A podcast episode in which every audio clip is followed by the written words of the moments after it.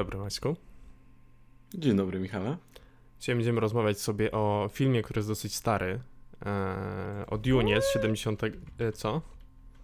E, Ej, ja bym kiedyś porozmawiał. O tej Dune pierwszej?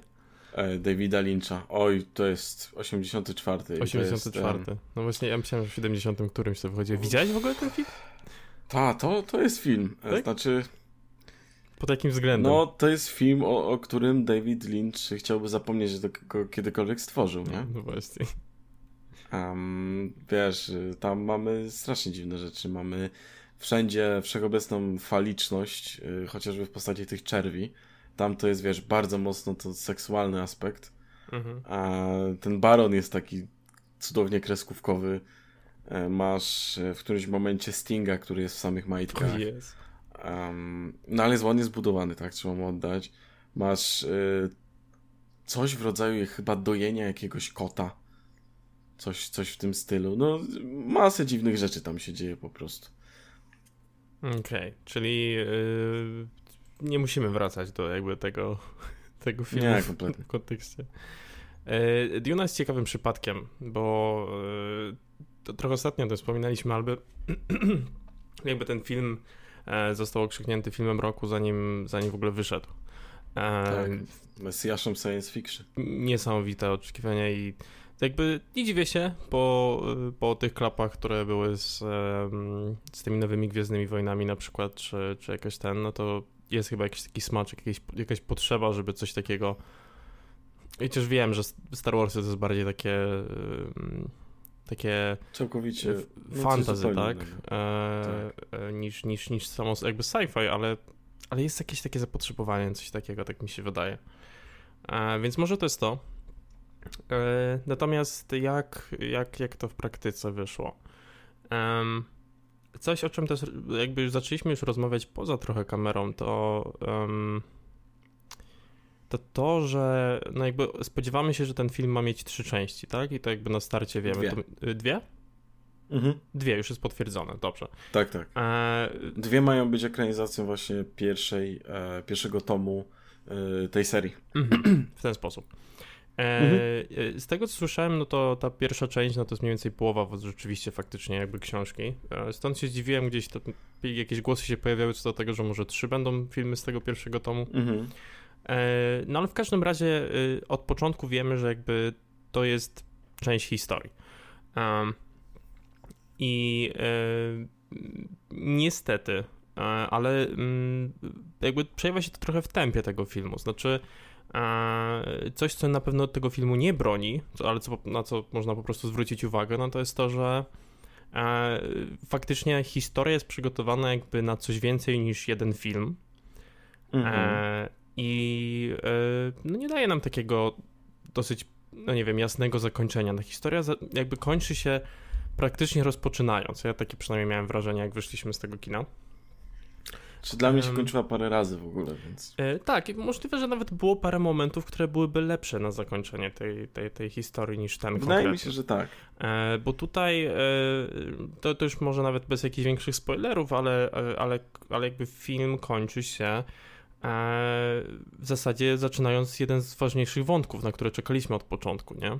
Mhm. E, I to porównanie, które gdzieś tam rzuciłeś, to to, że e, jasne, rozumiemy, że może być może być taka sytuacja, że film jakby z założenia ma być realizowany na przestrzeni jakby jakby ta historia ma być realizowana na przestrzeni kilku filmów, ale na przykład tak jak w, przypadku Tolkiena i, i, i całej trylogii Władcy Pierścieni, tam każdy mhm. film faktycznie zaczyna się i się kończy. Jakby każdy oddzielnie też jest jakby swoją historią, pewną częścią tej historii, tak? Tak. Więc to jest Nawet jeśli e, zakończenie jest w jakiś sposób otwarte.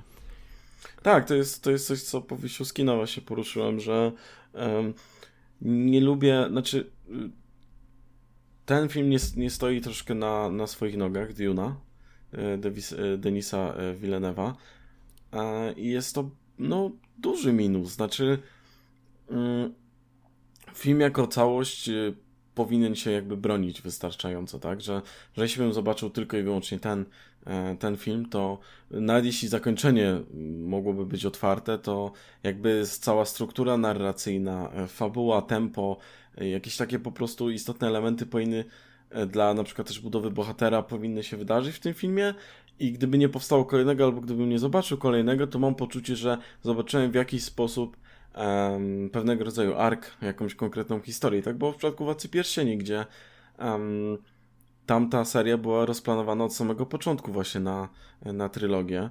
I każdy z tych filmów broni się jako oddzielny film. I nie lubię takiego uzasadniania tej Duny, jak są zarzuty um, właśnie odnośnie na przykład tempa, czy tego, że masz poczucie jakby po prostu w którymś będzie gdzieś tam ciachnięto jakimś tasakiem po prostu film mhm. Um, i czujesz się zostawiony tak trochę z niczym. Um, I są, i są te zawsze um, takie odpowiedzi, że no tak, no ale będzie druga część. dużo rzeczy, dużo rzeczy będzie wyjaśnionych w tej drugiej części. nie wiem, że o, tą postać może jeszcze się spotka potem i tak dalej. No, wszystko fajnie, ale to nie o to chodzi. Znaczy, no film powinien się bronić jako całość, więc jak są jakieś wątki, jakieś postacie, czy czy w ogóle właśnie jakieś tempo, gdzie coś jest nagle tak ucinane, no to ten film się nie broni. I nie lubię strasznie tego, że ten film jest tym broniony. Um, a doskonale pamiętam na przykład negatywne recenzje It y, Chapter 2. Um, mhm. Ten rozdział drugi gdzie jednym z głównych właśnie e, takich e, rzeczy krytykowanych to jest to, że ta druga część nie broni się jako samodzielny film. Tak. Że jeśli oglądasz to jako taki double feature, no to spoko, jesteś w stanie przymknąć rzeczy na niektóre ten, na niektóre sytuacje, jakie dzieją się w tej drugiej części. Ale tak, to no to dosłownie ten film się nie broni i tam jakby no nie było argumentów, że no tak, ale pierwsza część tam coś dopowiada ten. No nie.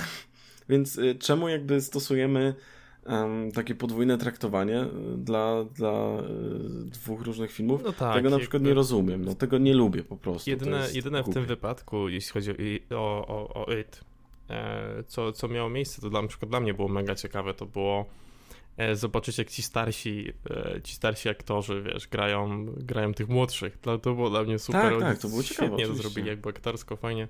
No ale tak jak mówisz, no to druga część była zawiedzeniem. No i mm, no i tutaj całość tego, no w zasadzie, no nie wiem, ma takie, masz takie, oglądając to masz takie uczucie, że to jest taki prequel, znaczy pre, prelog, sorki, tak, bardziej, bardziej no. po prostu taki wstęp, nawet nie pierwszy chapter e, całej tej historii, gdzie po prostu trochę poznajesz świata. Um, mhm. e, no i co, jest to prolog, który jest dobrze zrealizowany, tak, znaczy y, i wizualnie, e, jakby nie ma co raczej zarzucić temu filmowi. E, znaczy to tak, e, od, od strony technicznej. Od strony technicznej. Ten film mhm. jest y, cholernie dobry. Tak, tak. No ale to, to jest też coś, co myślę, że Villeneuve nas generalnie do tego przyzwyczaił. Nadal moim zdaniem największym pikiem od strony wizualnej będzie Blade Runner 2049 w jego karierze, ale to jest też film, gdzie za zdjęcie odpowiadał Roger Dickens, który jest y, no, wirtuozem po prostu, jeśli chodzi o, o zdjęcia w filmach. Mhm. Ten film też się bardzo dobrze prezentuje, znaczy e, kompozycje w kadrze, e, to jak on właśnie wygląda wizualnie, kwestia dobrania barw, minimalizm, który jest e, naprawdę dobrze ugrywany po prostu w tym filmie, bo ten film przede wszystkim pomimo tego, że jest to epickie dzieło, tak, Franka Herberta, to jest to film, który bardzo mocno się opiera na minimalizmie po prostu. Możemy to bardzo za, łatwo zaobserwować chociażby w tych lokacjach takich zamkniętych. E, gdzie tam bardzo mało masz jakichś, nie wiem, mebli, e, jakichś dodatków, tylko większość to jest po prostu sucha przestrzeń, która jest mhm. naprawdę dobrze po prostu prezentowana. No tak, no i pasująca do samej Duny, tak? Jakby od razu... Tak mi się wydaje. No, pasująca wiem, do no. samej, no mówię, do samej planety, tak? No bo tu o A, tym myślę, o tym kontekście, Aha. tak? No, że mamy, e, mamy miejsce, które z większości pustynią jest niebezpieczne do mieszkania, mhm. Tubylcy muszą się przyzwyczajać do tego i stosować dosyć takie no, dosyć takie mocne środki, nie? Do tego, żeby przeżyć w, tym, w, tej, w tej, w tej mhm. lokalizacji. E, no i wydaje mi się, że ta, mm, ta aranżacja tych lokalizacji jakby trochę to oddaje, jakby wiesz, bardziej dodaje do tego. Mhm. E, słuchaj, za, zanim tak zaczniemy może jakoś wchodzić, ja, ja bym chciał tutaj sprostować, ja nie czytałem Duny. Mhm. Ja też nie. Wydaje mi się, że, że no tak, żeby było jasne, aczkolwiek to nie powinien być problem w odbiorze filmu, ponieważ znowu tutaj ja wiem, że e, jeśli słuchałem to osoby, które są fanami książki, to będą chcieli na przykład mnie ukrzyżować, ale tego, tego, tego typu film nie jest zrobiony dla fanów tej książki, tylko dla szerokiej publiki. To jest blockbuster um, za, za naprawdę grube miliony. I jest to też inne medium, więc y, nie da się przełożyć e, dzieła z danego medium na inne medium jeden do jednego. To nigdy nie może tak wyglądać po prostu dlatego, że e, no, film i książki y, rządzą się po prostu innymi prawami. Mhm. Mm, inaczej trzeba to przestawiać i na tym polega zadanie adaptacji, czyli żeby ten materiał źródłowy jakby prze, znaczy zmienić go w taki sposób, żeby był przystępny na język i zupełnie innego medium. Bo jeśli mówimy o filmie o książce, to są dwa zupełnie inne media. Mm, I to moim zdaniem nie do końca się tutaj udaje, co, co pewnie jeszcze może poruszymy potem. Znaczy też nie ukrywajmy, ale... nie dużo jest takich historii, w których e, wiesz, jakaś książka jest realizowana do tego stopnia dobrze, że nie jest się człowiek w stanie do niczego przyczepić w kontekście e, w kontekście tego, że zna, zna książkę, tak? Władca Pierścieni jest chyba jedynym takim takim przykładem, tak naprawdę. Znaczy jest, jest jeszcze parę, aczkolwiek fani książki często będą mm, mieć jakieś pretensje, bo po prostu historia jest inaczej przedstawiona. No i w książce e, jesteś w stanie po prostu więcej, więcej detali, więcej mniejszych, takich większych elementów. Tak, no ale mówię, to masz, są masz, masz e, adapta... E, inną formę ekspresji po prostu, nie? Tak, no ale mówię, adaptacja jakby rządzi się troszkę innymi prawami i jeśli jest film na podstawie danej książki czy danego innego jakiegoś dzieła, mm, to nie znaczy, że, e, że to będzie jeden do jednego na przykład, że, że to będzie tak samo zrobione, bo, e, bo mówię, bo to są po prostu inne media, no i inaczej się realizuje te rzeczy. Dlatego tworzenie adaptacji nie jest wbrew pozorom zbyt łatwe i no nie można usprawiedliwiać tego filmu i jakiegokolwiek innego filmu, który jest adaptacją danej książki, tym, że no, bo w książce to było tak, pewnie coś tam może jeszcze wyjaśnią, albo wyjaśnianie czy dopowiadanie jakichś rzeczy, które dzieją się w filmie, które nie są tam dobrze wyjaśnione czy przedstawione, w ten sposób, że to tak, ale w książce chodzi o to, że. Bo, bo to po prostu, no, y, jeśli analizujemy czy recenzujemy jakieś dzieło, y, recenzujemy to dzieło, a nie to, na czym ono na przykład y, bazuje, czy, czy z czego sobie czerpie, bo, bo po prostu nie jest ono prawidłowe, tak. Mhm.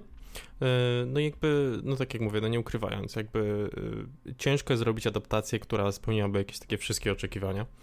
E, ale coś, mhm. co od razu jakby mm, w kontekście tego, że ten film jest trochę takim, takim prologiem, co przykłamuje uwagę, to jest to, w jaki sposób um, nawet nie same tylko lokalizacje, ale też pojazdy i całość tego świata jest designowana i wiesz, pokazana na ekranie. Wydaje mi się, że to jest dosyć mhm. spory plus tego filmu.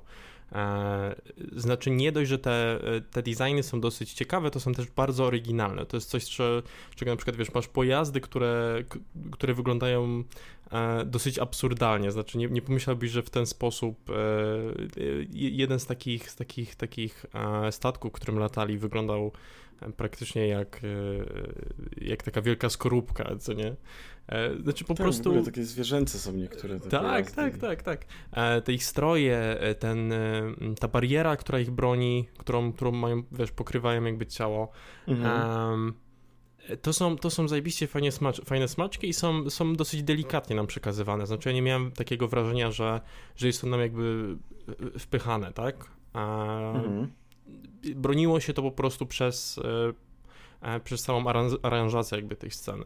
E, dodatkowo, mhm. jeśli chodzi, wiesz, e, od razu zaczynasz zauważać, e, no jakby oczywiście mamy, wiemy o, o tym klanie, tak, jakby osób, które kontrolują swoim głosem innych. Aha. Całość w ogóle, jeśli chodzi o dźwięk i, i jakby od tej strony jest fajnie zrealizowana.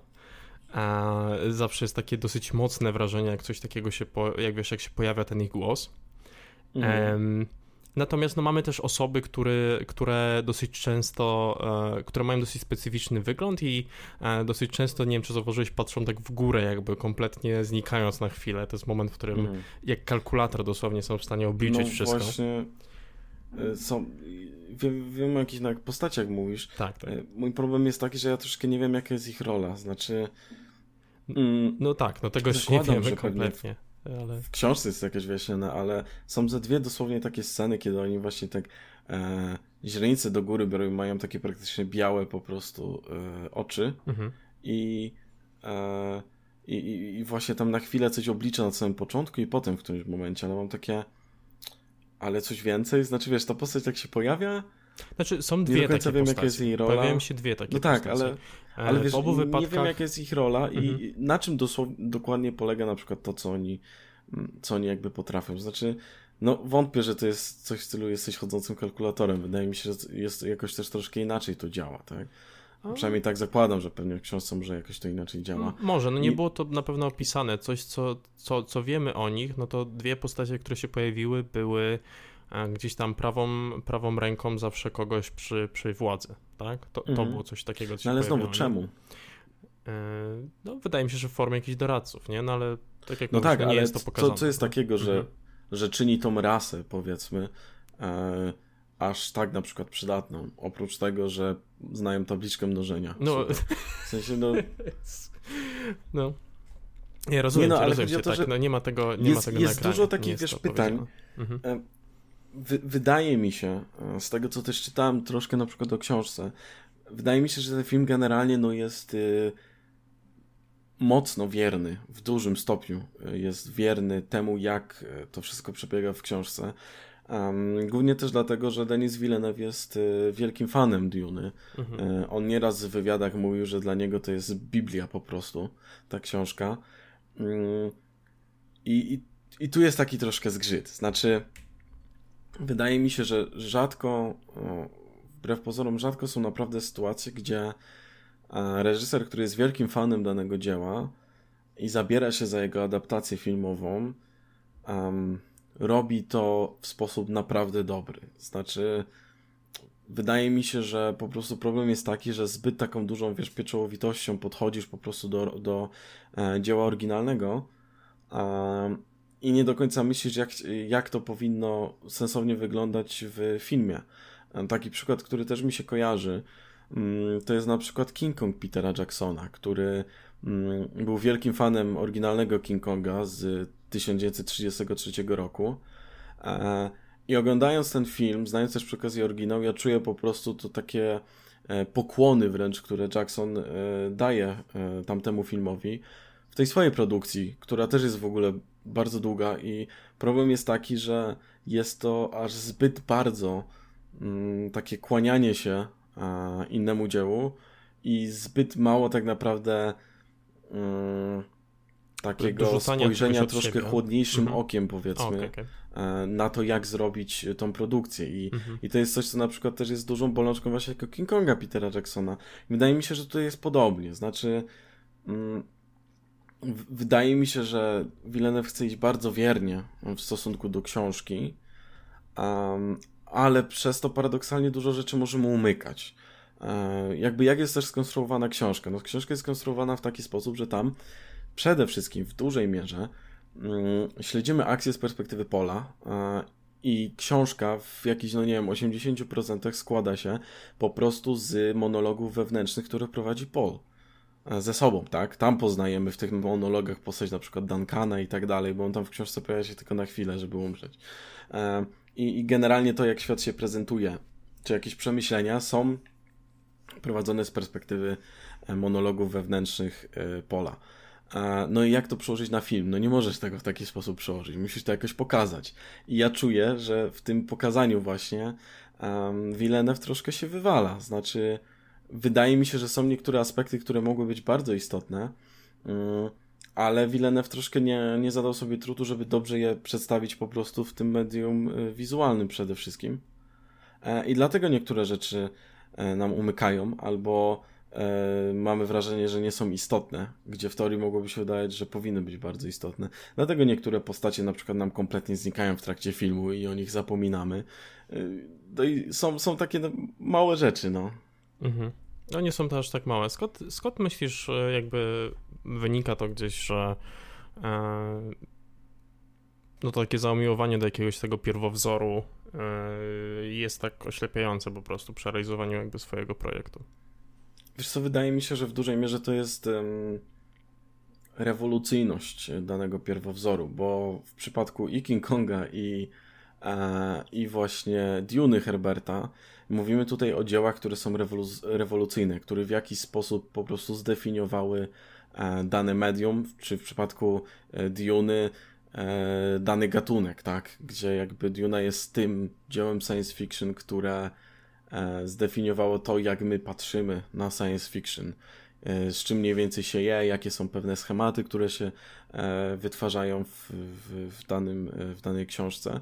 Z King Kongiem na przykład jest tak samo, znaczy King Kong e, zainspirował masę po prostu filmowców, masę osób związanych z branżą filmową. Jakby prze, prześledzić to E, naprawdę inspirował dosłownie wszystkich, bo było to dzieło absolutnie rewolucyjne. E, I wiesz, tutaj mogę mnożyć nazwiska, na przykład Ray Harryhausen, Tom Savini, e, Peter Jackson, Christopher Nolan, Martin Scorsese, Steven Spielberg i mógłbym po prostu tak wyrzucać cały czas. I, i wydaje mi się, że z Dune'ą jest podobnie, znaczy jest to na tyle istotne dzieło e, rewolucyjne, że spotykając się z nim po raz pierwszy, e, kiedy powiedzmy masz tą taką E, jak to nazwać, taką powiedzmy coś, a trochę taką duszę artystyczną, tak, gdzie e, podejrzewam, że dla niektórych osób e, czytanie Diony teraz może nie robić aż takiego wrażenia przez względu na to, ile rzeczy zostało już przetworzonych dzięki niej. Mm, ale jeśli no, czytasz ją razem z kontekstem, kiedy powstawała, no bo nic nie istnieje w próżni, tak? Ten kontekst jest też zawsze bardzo istotny w analizowaniu danego dzieła.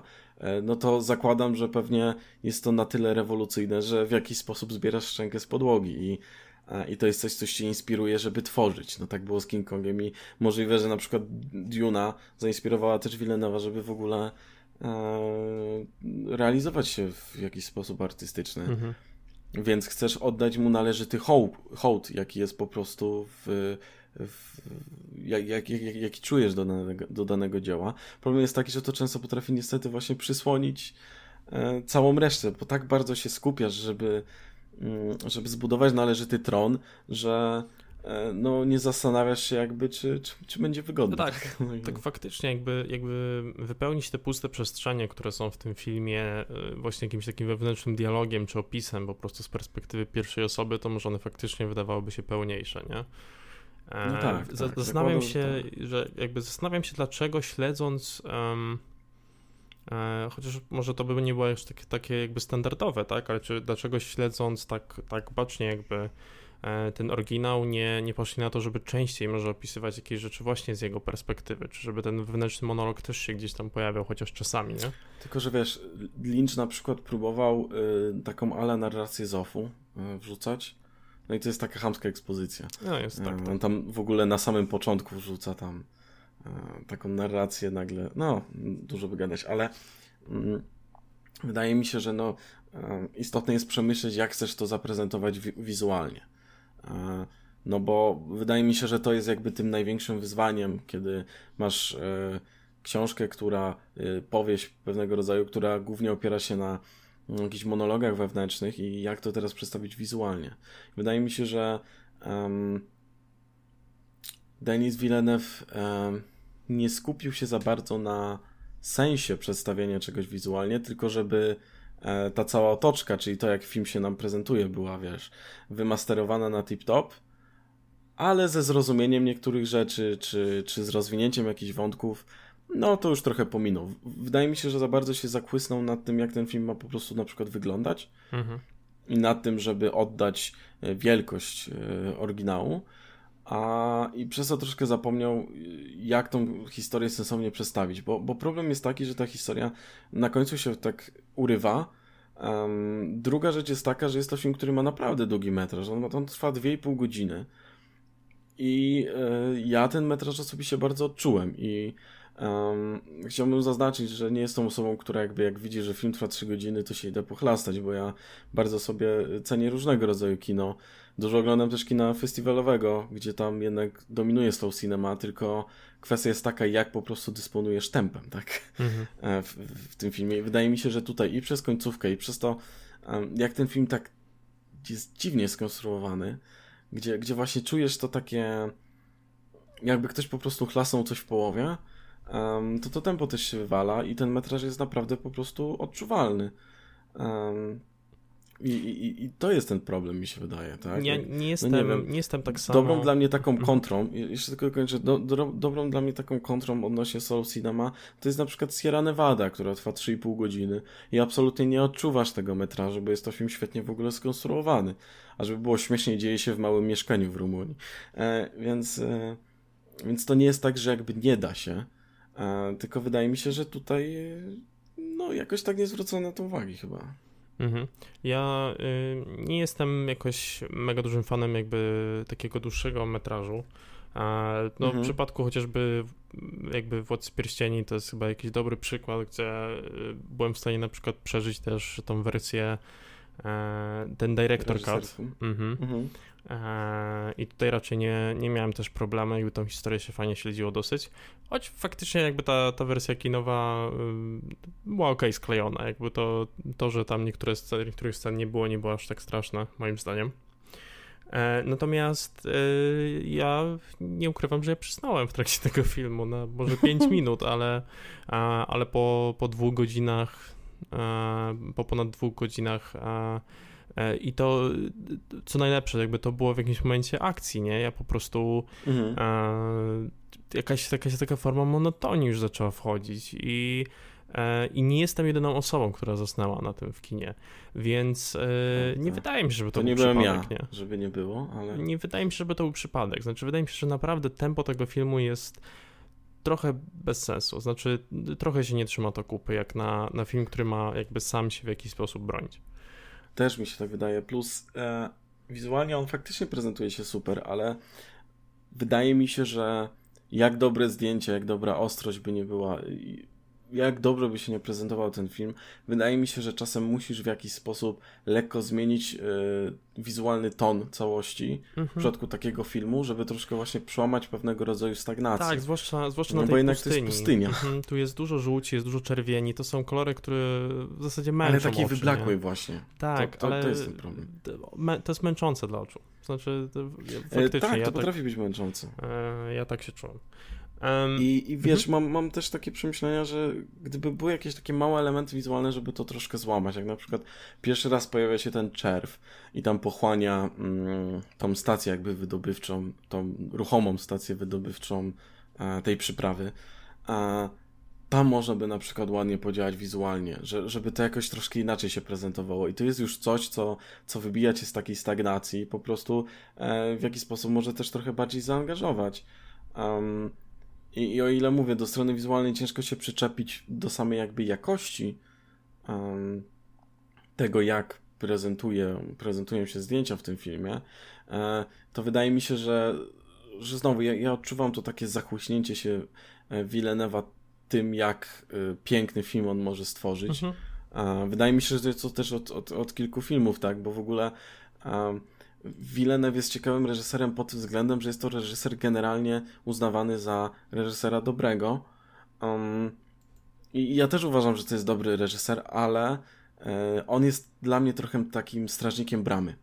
Znaczy, on e, nie przepuści niektórych, e, żeby mogli przejść przez tą bramę do tych, re, wiesz, bardzo do, dobrych reżyserów, ale no sam jednocześnie nie może przez to przejść. I, I, wydaje mi się, że on jest tym dobrym reżyserem, ale Strażnik Bramy. Zawsze w jakiś sposób czegoś e, brakuje w tych jego filmach, e, żeby był po prostu tym re, reżyserem bardzo dobrym, rewelacyjnym w jakiś sposób. I mhm. mm, wydaje mi się, że, że często brakuje po prostu właśnie um, sensownego prowadzenia historii um, i lepszego oddania może scenariusza.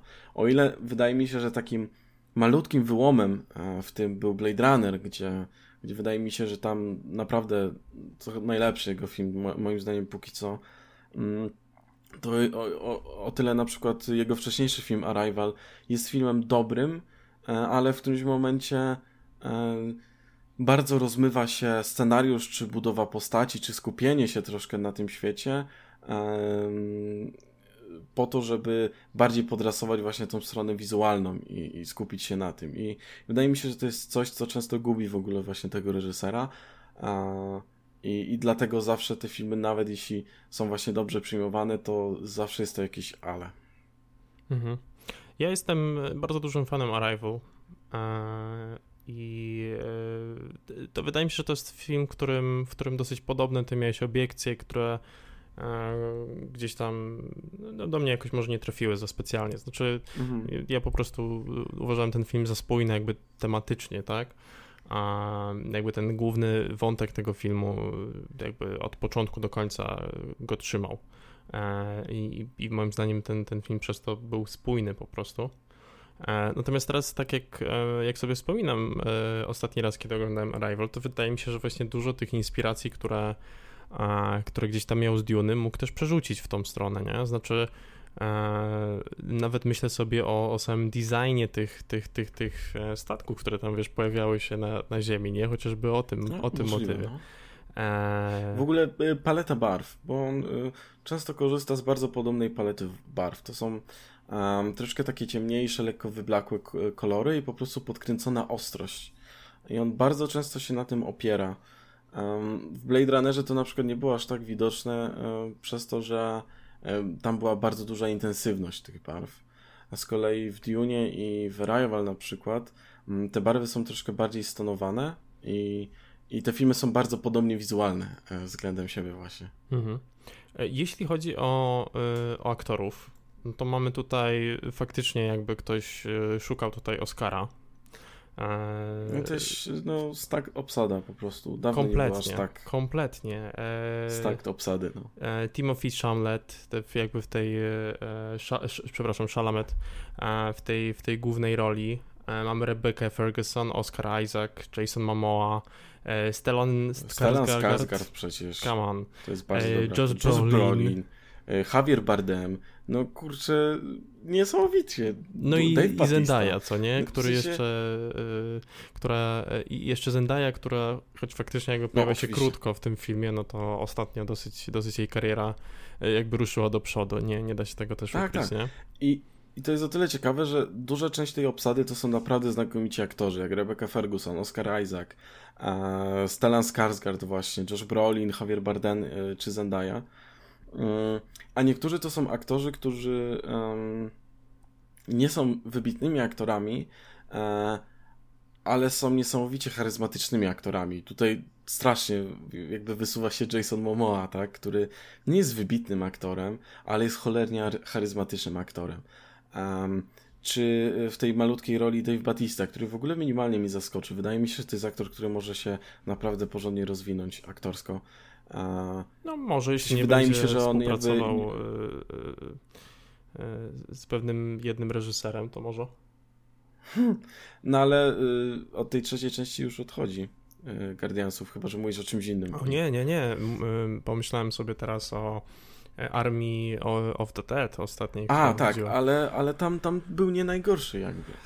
Nie, nie miał za specjalnie dużo napisanego, ale aktorsko był naprawdę w porządku. Czyli o, o co mi chodzi, że... No ale aktor potrzebuje się, jakiejś to... sensownej roli, tak? Musi mieć coś, coś napisane, co... Tak, ale wiesz, nawet tą mikrorolę w tym e, sequelu właśnie Blade Runnera, um, czy czy, czy, czy, e, czy tutaj na przykład. I wydaje mi się, że to może, mam nadzieję, że to będzie ten aktor, który e, nie będzie aktorem jednej roli jak mm, Dwayne Johnson, który nie gra. Sądzę, nie sądzę. Cały czas są pasy. No, dla, dlatego właśnie mnie to Wydaje ciekawi. Wydaje mi się, ale... że nawet, nawet w tej roli w Guardiansach, którą ma, to jakby sama ta rola wymaga trochę, trochę jakby charyzmy, pomimo tego, że grasz. Yy, ciężko jest grać kogoś, kto. Yy, E, no i w tym wypadku mamy, post, mamy, mamy, wiesz, mamy postać, e, która nie ogarnia kompletnie sarkazmu i wiesz, jakby jest tak mhm. oblivious, mhm. jeśli chodzi o pewne rzeczy, co nie? Mhm. E, ciężko jest zagrać taką postać, to nie jest wcale łatwe. E, no ale, ale właśnie wracając do tej obsady, jest to strasznie staga obsada. E, niesamowicie, po prostu dawno nie było zebranych tak dobrych aktorów albo tak charyzmatycznych aktorów tylu w jednej produkcji. Problem jest taki, że oni nie mają absolutnie nic do grania. I to jest jakby, to jest rzecz, która mnie bardzo uderzyła. Znaczy, e, tam nie ma kompletnie postaci praktycznie. Mhm. E, autentycznie. Nie masz tam dobrze napisanej postaci. E, ja się e, kłócę też z tym, że moim zdaniem Paul też nie jest dobrze napisaną postacią. On jest... E, moim zdaniem bardzo słabo póki co zarysowany. E, I w ogóle jestem ciekaw, jak tą postać odbierają fani książki, bo ja wiem, że książka opiera się na tym, że e, ona troszkę wywraca ten motyw tego białego Mesjasza właśnie, gdzie ten film kompletnie ci tego nie sprzedaje, tylko ten film nakręca ci ten motyw mm, białego mm, tak, Mesjasza, tak, tak. jak się tylko da, tak do maksimum podkręca. I moim zdaniem Paul tutaj nie jest dobrze napisaną postacią, on ma takie, o nie, nie będę Mesjaszem. No dobra, będę. I to jest jakby tyle. Um, nie masz za specjalnie głębi w tej nawet postaci, która jest kurczę najważniejszą postacią w tym filmie, a reszta, e, na przykład jego ojciec, postać grana przez Oscara Isaaca, um, kompletnie nie jest napisana. E, wydaje mi się, że jeśli miałbym wskazać jakąś postać, która faktycznie ma jakąś głębię, no to jest to postać e, Rebeki Ferguson, tak? Tak. Która tak, gra tak, tak. E, mamę Pola. E, Wydaje mi się, ja, że ja ci ona przerwę, jest... zanim się też rozkręcisz, ale ja, ten, ja uważam, że no najlepiej wypada w całym tym filmie zdecydowanie. Absolutnie. Najwięcej mhm. emocji, najwięcej jakiejś takiej głębi. Ja szczerze miałem, miałem bardziej ochotę jakby poznać, ochotę poznać jej historię niż historię jakby Pola i co się tam dalej będzie działo. Dokładnie wiesz, to wygląda dosyć intrygująco, no. nie? Cały, cały ten klan, ten, ten, ten głos, Tak, etc. i e, ta dwuznaczność jest bardzo, yy, znaczy to takie rozbicie jest bardzo dobrze yy, ugrywane w tym filmie i jest bardzo dobrze też napisane, znaczy to jest postać, która ma właśnie głębię, mm, ona się opiera przede wszystkim właśnie na tym rozbiciu między um, tym planem i, i, w ogóle tym swoim klanem, a tym, że jest po prostu matką Paula i, i widać to, że ta postać jest naprawdę sensownie napisana. E, reszta z kolei, no, kompletnie nie wybrzmiewa. Wybija się jeszcze dla mnie Jason Momoa, ale dlatego, że to jest po prostu charyzmatyczny aktor. I to jest tylko i wyłącznie dlatego, bo to jest postać, która um, też nie ma nic na, napisane. E, jest, jest całkowicie rzadka, nijaka. Można by ją no nie, wymienić no, na kogokolwiek innego. Nic dziwnego, e, jakby, no. jeśli wiemy, że oparta została, gdzie w książce się jakby sama postać nie pojawia też za dużo, tak? Tylko mamy jakieś tam opisy z tej tak, strony. Tak, jest to postać, bo, bo troszkę o niej czytałem, tak ci się wetknę, ale jest to postać, która w książce ona jest, poznajemy ją najpierw przez to właśnie, jak o niej wspomina Paul, e, to jest ten największy wojownik e, tego ludu e, Atrydów. I on de facto, jak się już pojawia tak fizycznie w tej książce, to pojawia się wtedy, kiedy umiera, co widzieliśmy w filmie, tam walcząc. I to jest dosłownie chwila właśnie, jak on się tak pojawia, pojawia. Tutaj jest go troszkę więcej. Um, mówię, Jason Momoa jest po prostu charyzmatycznym aktorem i dlatego ta postać jest troszkę sprzedawana. A, ale też y, troszkę brakowało mi właśnie takiego spuszczenia stonu. Myślałem, że ta jego postać będzie troszkę tym takim, e, wiesz, takim wypompowaniem troszkę tego balonika, bo mm, to jest dzieło, które traktuje się tak poważnie, że po prostu ono tak się e, napęcznia, e, że, że ja miałem wrażenie, że on za, zaraz to wszystko po prostu pęknie. Mm, i, i brakowało troszkę takiego e, wypuszczenia powietrza. Wydaje, wydawało mi się, że ta postać będzie, ale no znowu nie ma jej też nie wiadomo jak dużo. Mm, jednak sceny z nią to są głównie sceny takie bardziej um, powiedzmy e, no, batalistyczne. Mhm. Więc, więc to jest jakby ta kwestia, ale no reszta nie ma, nie jest kompletnie do grania. No. Ja byłem bardzo ciekaw tego Barona, bo ten Baron wizualnie prezentuje się naprawdę dobrze. W, w odróżnieniu od tej wersji Lyncha nie jest kompletnie kreskokowy, jest autentycznie czujesz taki um, jakiś taki niepokój, jak on się pojawia, tak? E, też to jego jakby latanie i tak dalej. Mhm. Jest coś w nim takiego zastraszającego, tak? Um, i problem jest taki, że on nie jest w ogóle wykorzystany. To jest też coś, co mnie, co mnie boli. Tym bardziej, że kurczę, Stellan Skarsgård to jest to jest tak dobry aktor. No i A... ciekawa jest ta scena, kiedy tam oni chcą go zabić i później go znajdujemy na tym, no ale, ale tak, ale tak, tak no, w sensie e, no, tutaj no się jeszcze nie pojawia za bardzo. Josh Brolin. E, to jest coś, co mnie bardzo boli, jeśli już tak poruszamy postacie, czy raczej ich brak. E, Josh Brolin jest, jest postacią, która no oprócz tego, że oczywiście jest żadna, ale to wydaje mi się, że to jest taki znak rozpoznawczy w tym filmie, to ona w którymś momencie znika i się nie pojawia, gdzie była rysowana wcześniej jako jedna z tych ważniejszych postaci i podczas tej całej bitwy, znaczy bitwy, e, tego najazdu tak naprawdę tej armii Barona e, na Dune, e, żeby jakby zniszczyć ten ród Atrydów, nie wiem, nie wiemy tak naprawdę, czy on tam umarł, czy on gdzieś się schował, co się z nim stało. Nie mamy kompletnie pojęcia. on w którymś momencie tam jest, każe jakby walczyć e, Atrydą i tyle. Mhm. I znika. I przez e, do, do jakby końca filmu e, nie mamy pojęcia, co się z nim do końca stało. Wiesz, gdyby był nawet jakiś mały najazd po prostu na to pole, te, te, te zwłoki po prostu, które są po tej bitwie, mm, po tej eksterminacji de facto, um, i on był tam, był po prostu. I żebyśmy zauważyli, to już mielibyśmy takie, okej, okay, dobra, jakby, no, nie żyje, tak? Mhm. Ale, ale nawet tego nam nie dali, więc ja, wiesz, ja podczas tego filmu się zastanawiałem, czy on w którymś momencie wróci, na przykład co się stanie, i, jak to zostanie poprowadzone. Więc dużo jest takich postaci, które no... Które nie wiem, jakby no kurczę, są, bo są pewnie w książce, ale jakby tyle.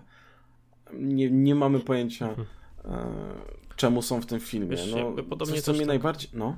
Też tak podobnie myślę w kontekście mm, wiesz, samej końcówki, no bo e, jesteśmy cały czas hypowani tą, tą, tą kwestią dotarcia ostatecznie, e, odnalezienia tej postaci Zendai nasz ten główny bohater gdzieś tam czuje taką potrzebę, tak, żeby tam się udać, mhm. że gdzieś tu jest jakieś jego przeznaczenie, ma, ma te syny.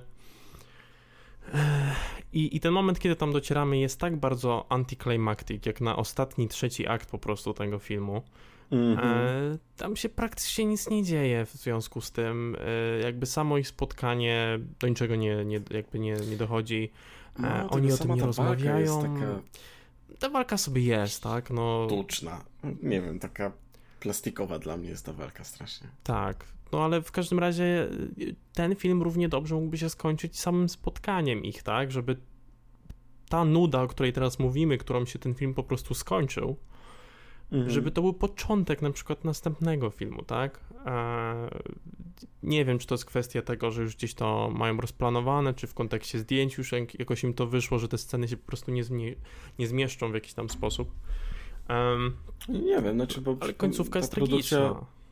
No, ta produkcja do drugiej części jeszcze nie ruszyła, więc raczej to nie tego kwestia. Wiesz co, jest tragiczna ta końcówka. Ja jeszcze tylko na chwilę wrócę do postaci, bo y, to jest coś, co chciałem poruszyć już dawno, ale mnie bardzo uderzyła postać tego doktora który okazał się tym zdrajcą. I to jest coś, co moim zdaniem właśnie najbardziej obrazuje to, że nie poradzono sobie tutaj z ilością tych postaci i, i po prostu są strasznie płaskie, bo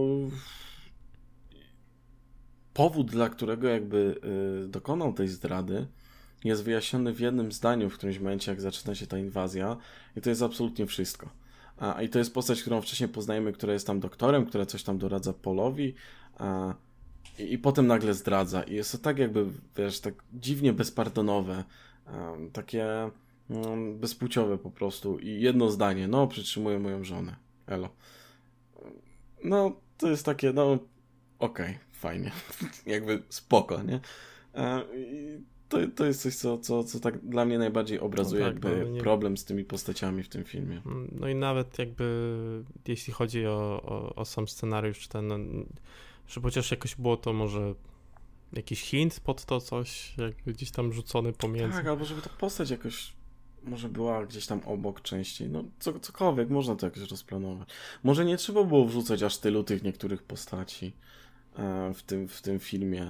Ja wiem, mhm. że są w książce, no ale co z tego, jeśli e, to nie zdaje egzaminu po prostu w tym filmie. Wiesz, no nie, nie, Wiesz, naprawdę to... nie przeszkadza mi to, jeśli e, no, no, na przykład tak jak mówiliśmy o tej rasie, e, no tam jak zwróciłeś uwagę na to, że nie jest to nam do końca wyjaśnione, tak? Mm. Ale ja generalnie ich kupuję, tak? To, to nie jest dla mnie element, który, Chciałby do którego mi się jakoś... kalkulatora w domu, co? E, no, to było... O, ja też, jest wow. E, no, ale nie, no zakładam, że oni mają jakąś mentalną umiejętność, potrafią e, w jakiś sposób, może nie wiem, e, myśleć trochę bardziej sensownie po prostu, używając te, jakiejś tej, tej techniki swojej, tak? Coś mhm. odblokowują w każdym razie. Może, może to jest coś takiego e, psychicznego, no takie umiejętności też widzieliśmy z tym, z tym, z tą mową chociażby, tak? E, czy mhm. tą umiejętnością latania, może to jest coś takiego bardziej mistycznego, nie mamy jeszcze o tym pojęcia. No ale generalnie widząc, że to są postacie, które pojawiają się przy władcach, no to mają swoją jakąś taką rolę w podejmowaniu decyzji, tak? mm. są, są w jakąś formą takiego doradcy.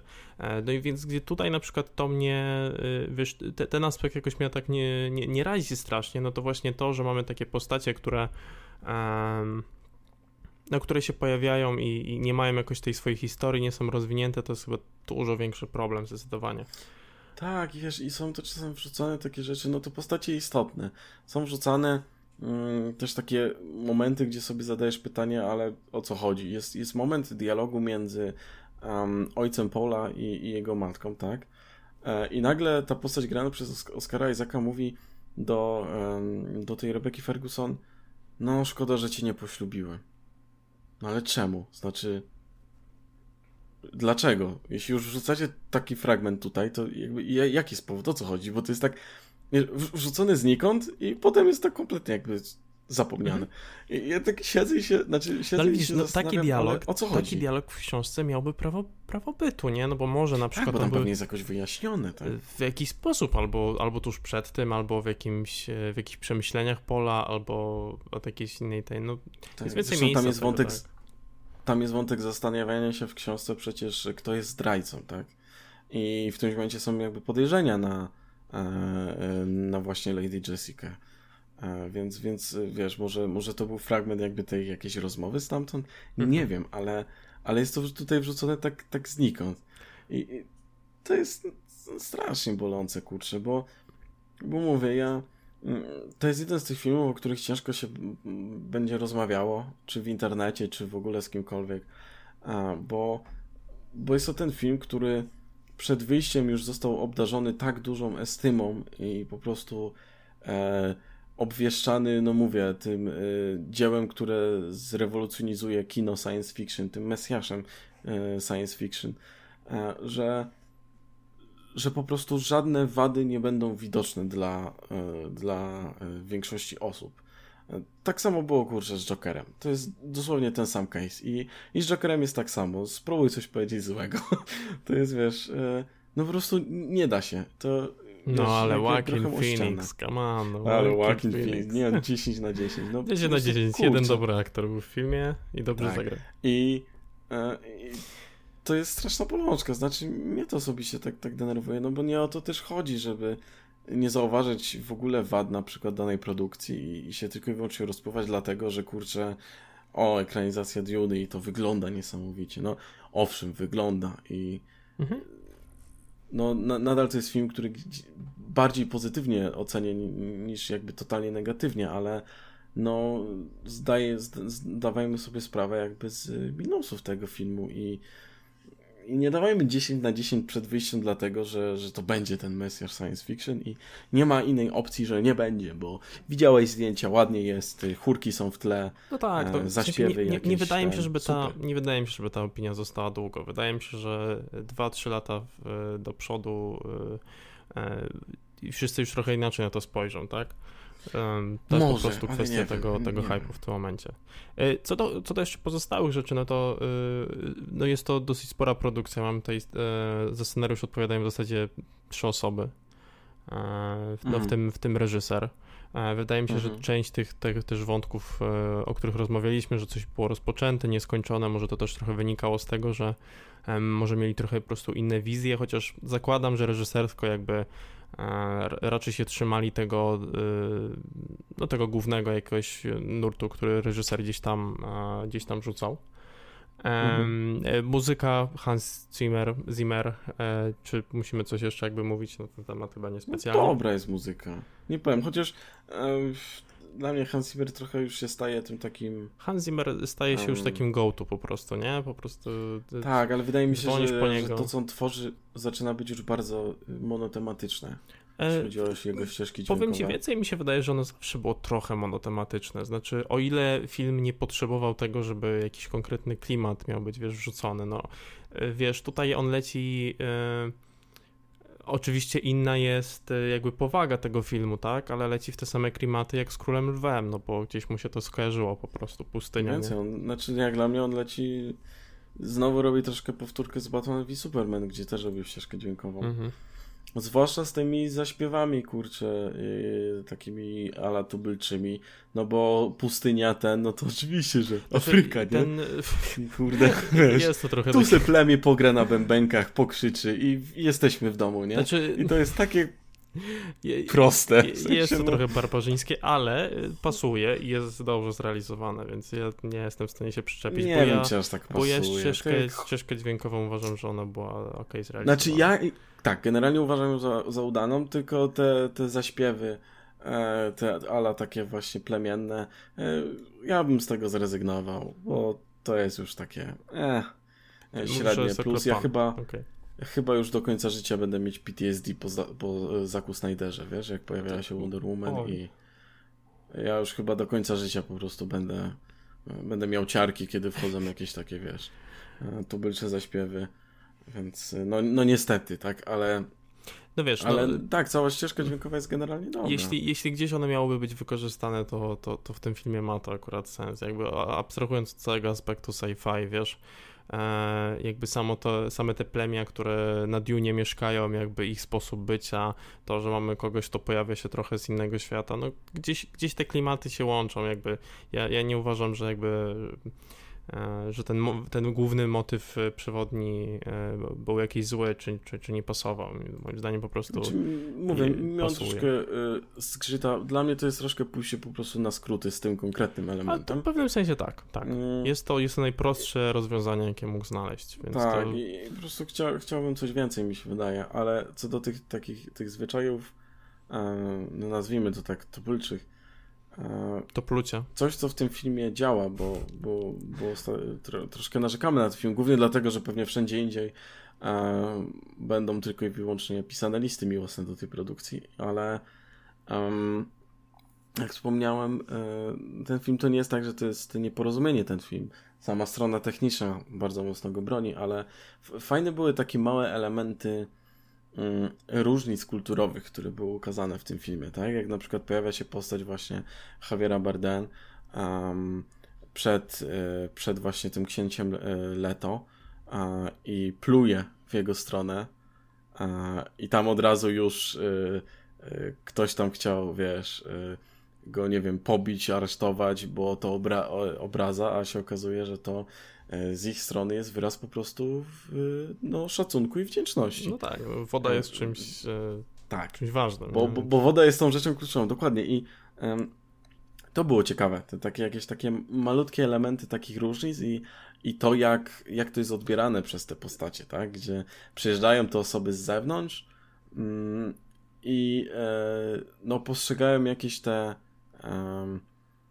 cechy, czy, znaczy może nie tyle co cechy, czy jakieś takie gesty, które wykonują, wiesz, osoby rdzenie tu mieszkające jako negatywne i, i od razu, wiesz, e, w jakiś sposób e, nieprzyjazny i, i od razu trzeba to rozwiązać siłą. To, to jest coś, co tak wydaje mi się ładnie może wybrzmieć, no, jak spojrzymy tak. na przykład na historię.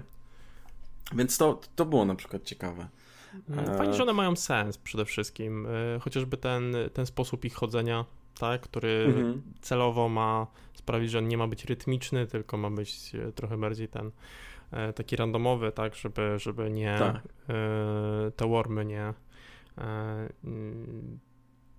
nie przyciągać, nie? Nie, nie zwracać tak. na siebie uwagi. Chociaż jak to oglądałem, to moją pierwszą myślą było takie, o, ktoś tutaj chce nakręcić remake Footloose. Ewidentnie, kurde.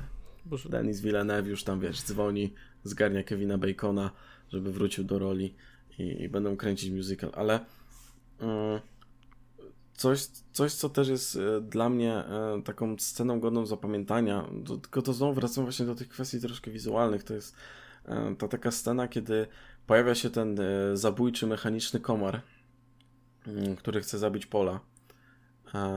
I jest ta scena, kiedy on się tam ukrywa jakby na, tych, na tej jakby mapie, powiedzmy, którą, jak oglądał ten ala film dokumentalny i potem oglądał jakąś tam tą mapę, jako taki hologram. Nie wiem, czy pamiętasz, że on się kryje jakby w tym hologramie. Mhm.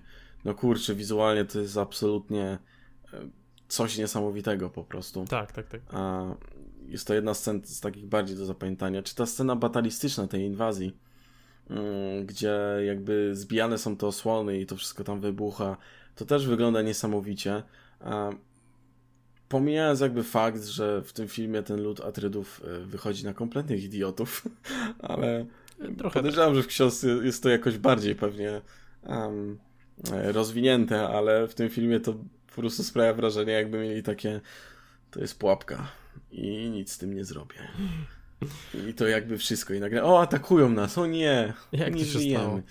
A właśnie, jak, jak mówimy, jak zacząłem, zacząłeś mówić o, ty, o tym, o, o robakach, to mi się przypomniało, jakby te, e, te, to coś na wzór helikoptera, czym latają, też zajebisty design. Mm -hmm. Kolejna rzecz, wiesz, tak, wcześniej tak, brakowało właśnie... przykładów, to coś takiego, nie? Fajne, po, fajne połączenie takiej zwierzęcości e, z, z takim zmechanizowaniem całkowitym. Mm -hmm. To, mhm. jest, to jest bardzo ciekawe właśnie, bo to, wiesz, to też można interpretować, ja to też tak troszkę interpretowałem jako um, wręcz podkreślenie takiego faktu, że um, że ta planeta żyje jakby w zgodzie z przyrodą przede wszystkim, nie z człowiekiem.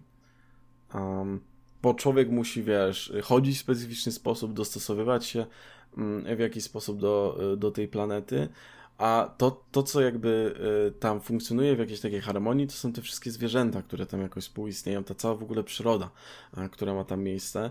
E, I to ładnie oddaje to, że design tych um, pojazdów, za pomocą których y, swobodnie i bezpiecznie mogą się przemieszczać ludzie e, na tej planecie, e, ci z zewnątrz, to, mm, to są właśnie te designy takie, no, przypominające owady, czy jakieś zwierzęta. Więc, więc to, jest, to jest fajnie właśnie przemyślane pod tym względem. Mhm. Coś, co jeszcze mnie cieszy, jeśli chodzi o tę produkcję, to to, że ostatecznie Stinga nie, nie wrzucili z powrotem. Zobaczył Stinga. No, może już nie w samych majtkach, bo no. wydaje mi się, że jednak no, już nie ten wiek, ale... No nie, ale... nie, nie. Eee... Znaczy...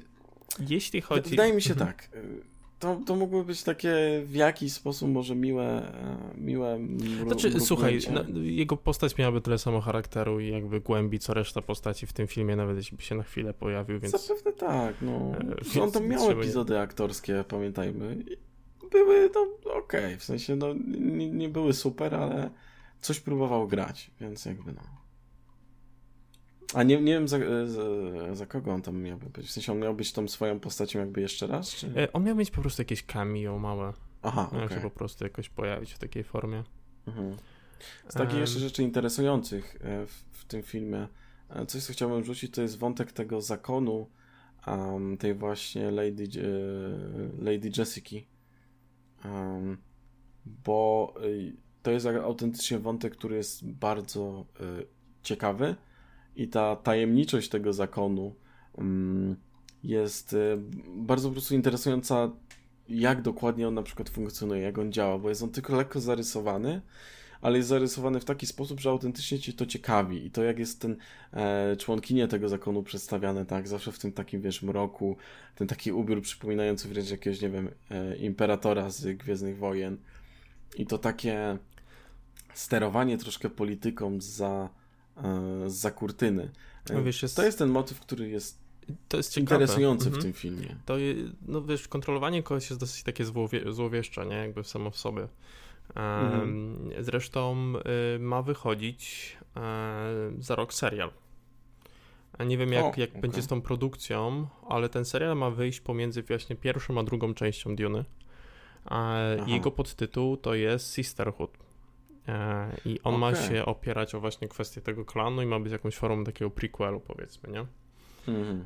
No ale po raz kolejny to jest produkcja trochę poza, poza tym, co oglądaliśmy, nie? I na ile, na ile ciekawe by to nie było i fajnie, że tak. coś jeszcze ma się pojawić na ten temat, to no to niestety nie jest to. To nie jest to tego, tutaj, tak? jasne. No, ale, ale to jest ten ciekawy motyw i, i z tym takim stworzeniem właśnie tego Mesjasza, to też jest coś, co um, co gryzie się jakby z resztą tego filmu, bo to jest coś, co jestem prawie przekonany, że jest żywcem wyjęte z tej książki.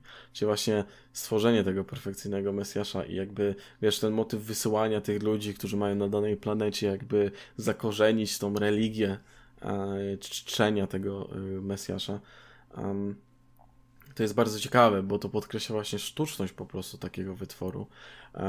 Gdyby to było bardziej rozwinięte, może nawet, wiesz, takie podpięcie w stosunku do, y, do jakichś takich, wiesz, y, y, ludzi, których uważamy za jakiś ideał, tak, za jakiś wzór. Że to mogłoby ładnie kontrastować z tym, że no, nie powinniśmy ślepo wierzyć, tak, w, w niektóre osoby i powinniśmy w jakiś mhm. sposób to kwestionować. No do, do tego musielibyśmy się, trochę może... być bardziej chyba zaangażowani w tą historię i widzieć, jak jakby do tego wszystkiego doszło, jak się zaczęło, nie? Pewnie tak, ale wydaje mi się, że postać Pola właśnie no, jeśli książka wywraca właśnie ten motyw z tym Mesjaszem, to wydaje mi się, że to by było bardzo spójne, gdyby w tym filmie też tak się działo. E, problem właśnie jest taki, co, co tam mówiliśmy wcześniej, że postać Pola jest tutaj kreowana tak na 120% na tego właśnie e, białego po prostu Mesjasza, który zbawi wszystkich. E, I to się tak trochę gryzie z tym wątkiem właśnie na początku, zwłaszcza jak jest ten moment, gdzie Paul ma te pretensje do matki, takie wątpliwości, że że to jest coś, co zostało sztucznie stworzone, potem jakby no jest to zapominane, bo on potrafi zawiązać buty e, po skosie, a inni ludzie nie potrafią, więc ale mm. i no e, tak, no. jest, to, jest to dosyć słabo. Ten. S są tutaj motywy, tak? Są, są tutaj jakieś rzeczy, które no e, szkoda, że nikt ich nie podniósł i nie, nie wrzucił tutaj i, i wydaje mi się, że koniec końców um, Pomimo tego, że jeśli mielibyśmy przejść takiego podsumowania, e, i ja ten film osobiście tak oceniam na, na szósteczkę, mhm. ale koniec końców e, no czuję po prostu, że ten film zostawił mnie troszkę z takim mm, z lekkim zawiedzeniem. Pomimo tego, że jakby niż ocenie nie wystawia przez wzgląd na same te aspekty techniczne, chociażby o których, y, które poruszaliśmy, e, to cała reszta moim zdaniem mocno, mocno po prostu mhm. ubolewa w tym filmie. I, i, I to jest to, co, co z, po tym filmie ze mną zostanie po prostu. E, ja, ja, chyba na szczęście nie, nie miałem jakichś niesamowitych oczekiwań względem tego filmu. Znaczy, y, może, może trochę już miałem wrażenie, że wiesz, za dużo, jakby za dużo słyszę o nim, żeby, żeby to, to po prostu wyszło. Ode mnie to też jest szósteczka, więc mm -hmm. jakby z mhm. szósteczką zostajemy jako dla średnia od nas. Jako średnia mm -hmm. od nas. Wydaje mi się, że to jest fair ocena, naprawdę.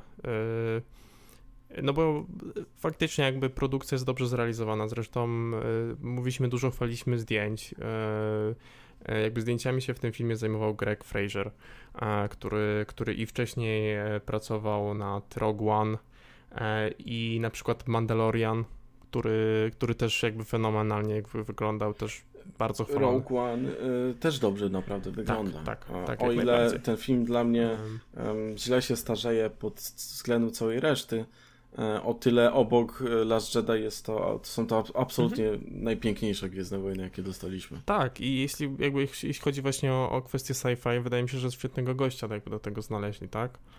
E, mhm. Więc, y, no więc jakby film się, po raz kolejny to jest trochę taki przykład filmu, który sam się broni trochę produkcją e, i, i może faktycznie jakby trochę serca było włożone w to, żeby, mm, żeby ten film, jakby to jak został zrealizowany, żeby to odzwierciedlało e, to, jak dobry był, jak dobra jest po prostu książka, tak?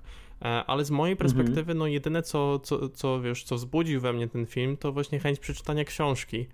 E, a nie chęć mhm. obejrzenia kolejnej części. E, bo wydaje mi się, że będzie średnia i że, że, że, że, będzie to po prostu zawiedzenie. Może ta druga część wypadnie lepiej, bo pewne wątki się jakoś zakończą, no ale nadal. Jasne, ale. Czy jako standalone będzie się trzymać? Nie wiem. To zobaczymy. Nie wiem. Wydaje mi się, że może być paradoksalnie większa szansa, że tamta będzie się trzymać jako standalone, ale nawet jeśli te wątki, które były tutaj i nie zostały zrealizowane, zostaną w drugiej odsłonie, pociągnięte do końca, to nadal nie zmieni faktu tego, że odbiór pierwszej części przeze mnie będzie nadal taki sam, bo e, no, ten film absolutnie nie funkcjonuje na własnych nogach i e, to jest e, jeden z większych błędów w tworzeniu produkcji filmowych. I po prostu po, powinniśmy zdać sobie z tego sprawę, jak bardzo nie bylibyśmy fanem danego dzieła, E, no to jednak oglądajmy też świadomie, tak, te, te produkcje. Mhm. Także z naszej strony szósteczka. E, zobaczymy, co dalej.